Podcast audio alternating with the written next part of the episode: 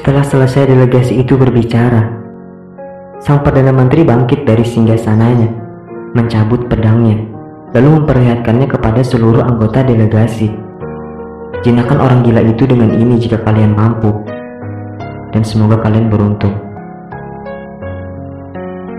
Diam-diam tanpa diketahui, kata-kata sang Perdana Menteri terdengar oleh seorang kabilah Bani Amdir yang kebetulan sedang berada di pengadilan hari itu.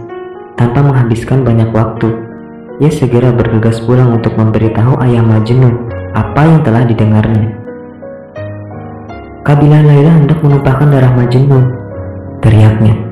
Perdana Menteri telah memutuskan menyelesaikan sendiri masalah ini.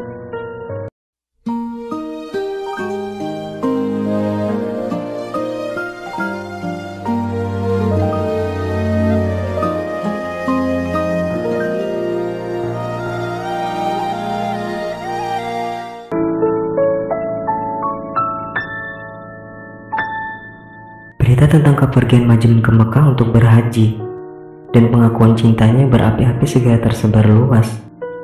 Tidak lama kemudian kisah tentang cinta Majnun dan kegilaannya menjadi buah bibir semua orang.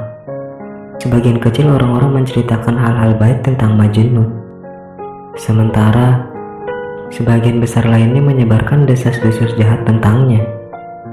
Kabar tentang Majnun akhirnya didengar juga oleh Laila namun tidak ada yang dapat dilakukannya untuk membela sang kekasih. Ia hanya dapat duduk dalam kesunyian, memendam kepedihan. Anggota kabilah Laila sadar bahwa mereka harus melakukan sesuatu untuk mengatasi masalah ini. Akhirnya mereka mengirimkan sebuah delegasi untuk menemui Perdana Menteri dan mengajukan pengaduan atas Majnun. Pemimpin delegasi itu pun berkata, lelaki sinting itu telah menodai kehormatan kabilah kami dengan tingkah lakunya. Siang dan malam ia berkeluyuran mengelilingi desa. Rambutnya kusut masai dan pakaiannya compang-camping. Dengan segerombolan gelandangan dan gembel mengikutinya. Ia tertawa dan menangis tanpa sebab. Ia berteriak-teriak dan menjerit-jerit, menari-nari dan berputar-putar. Sepanjang waktu ia melantunkan syair-syair dan sajak-sajaknya Sayangnya syair-syair yang dilantunkannya memiliki kualitas yang tinggi, hingga orang-orang berusaha untuk menghafalnya. Ini tidak baik bagi kami dan bagimu, karena kata-kata dalam puisinya sebagian besar merupakan sebuah penghinaan terhadap martabat dan standar moral masyarakat kita. Sebagaimana yang telah Anda dengar, syair-syairnya berkenaan dengan anak gadis pemimpin kami, Laila, Namanya menjadi pembicaraan semua lelaki, perempuan, dan anak-anak di seluruh negeri.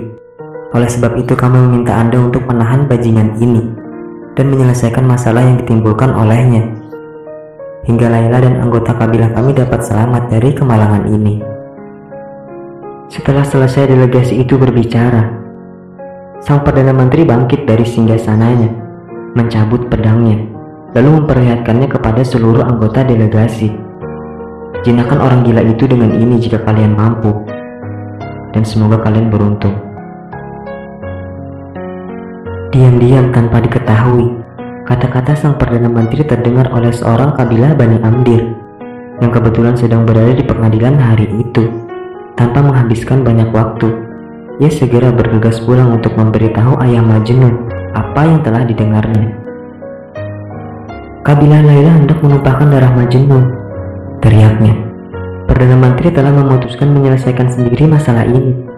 Aku sedang berada di sana ketika masalah itu terjadi. Lelaki itu seperti dirasuki ular naga, menghembuskan api dan memuntahkan ancaman-ancaman. Kita harus memperingatkan Majnun sebelum terlambat. Sebuah lubang yang sangat dalam sedang menganga di depan jalannya. Jika kita tidak membuka ikatan matanya, maka ia akan jatuh ke dalamnya, dan kita akan kehilangan ia untuk selamanya. Perkataan itu menusuk hati sang ayah bagaikan ribuan anak panah karena khawatir akan keselamatan nyawa anaknya. Ia mengirimkan beberapa anak buahnya untuk mencari dan menjaga Majnun. Namun satu persatu dari mereka pulang dengan tangan hampa dan putus asa. Kami tidak dapat menemukan Majnun di mana pun, kata mereka. Dan kami khawatir takdir buruk telah menimpanya. Bisa jadi ia telah dimakan binatang buas. Seketika itu, teman-teman dan sanak keluarga Majnun mulai menangis dan meratap bagaikan sedang meratapi orang yang sudah meninggal. Namun mereka tidak mengetahui bahwa sebenarnya Majnun masih hidup untuk saat ini. Dalam tempat pengasingan di sebuah gunung. Ia betul-betul sendirian. Majnun adalah harta terpendam yang menanti untuk ditemukan. Ia tidak menyadari apa yang sedang terjadi di dunia luar. Bahkan baginya, dunia ini telah tiada. Mengapa ia harus mempersoalkannya? Bukankah ia telah membuangnya, melepasnya dan memunggunginya? Ia telah memiliki masalah dengan dirinya sendiri. Mengapa ia harus mengambil peduli dengan dunia yang telah ditinggalkannya? Hingga akhirnya, Majnun dapat ditemukan. Seseorang yang melihat Majnun itu berasal dari Bani Sa'ad. Ia sedang lewat di suatu daerah. Lalu ia melihat sosok tubuh meringkuk di bawah semak berduri. Awalnya ia mengira itu adalah fata morgana dari sebuah benda. Bagaimanapun juga, Manusia waras mana yang akan tinggal di tempat terpencil dan terabaikan seperti itu? Namun kemudian, ia melihat sosok itu bergerak dan merintih. Perlahan-lahan ia mendekati sosok itu lalu bertanya, Siapa engkau dan apa yang kau lakukan di sini? Apakah engkau membutuhkan pertolongan? Berkali-kali ia mengulangi pertanyaannya, tapi Majnun tidak menanggapi. Akhirnya ia menyerah dan melanjutkan perjalanan dan setelah sampai di rumahnya, ia menceritakan kepada keluarganya tentang apa yang pernah dilihatnya dalam perjalanan. Itu adalah manusia. Jelas sekali itu adalah orang gila yang sangat menderita. Menggeliat kesakitan di bawah semak berduri seperti ular yang terluka. Rambutnya kusut pasai. Pakaiannya tidak lebih dari kain buruk yang berlumuran tanah. Dan tidak ada yang tersisa dari tubuhnya selain tulang berbalut kulit. Akhirnya berita tentang pertemuan orang itu dengan Majnun sampai ke telinga ayah Majnun.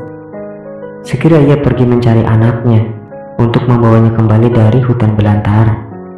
Ketika ia menemukan anaknya, keadaan Majnun tepat seperti yang dikatakan oleh orang itu. Pucat kurus kering, kotor dan tidak karuan. Majnun menangis berdiri dan terjatuh kembali. Sang ayah membungkuk, meletakkan tangannya di bawah kepala Majnun lalu menatap ke dalam mata anak kesayangannya itu.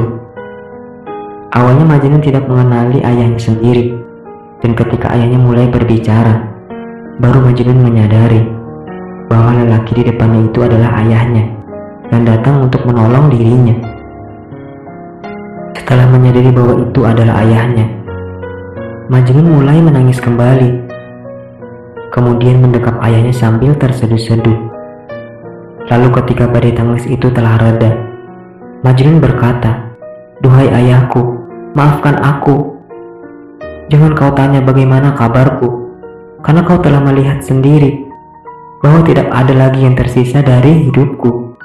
Andai kau tidak pernah melihatku dalam keadaan seperti ini, andai aku tidak pernah memandang wajah malaikatmu, sementara wajahku penuh dengan debu, terbenam dalam air, Aku tidak dapat melukiskan perasaanku. Maafkan aku, Ayah. Tapi ketahui juga, ini semua bukan salahku. Kau lihat, duhai Ayah, benang takdirku terletak di tangan orang lain.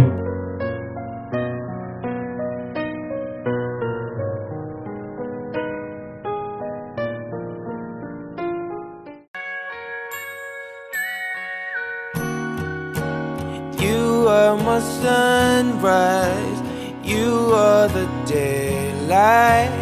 Hide in the shadows of my mind.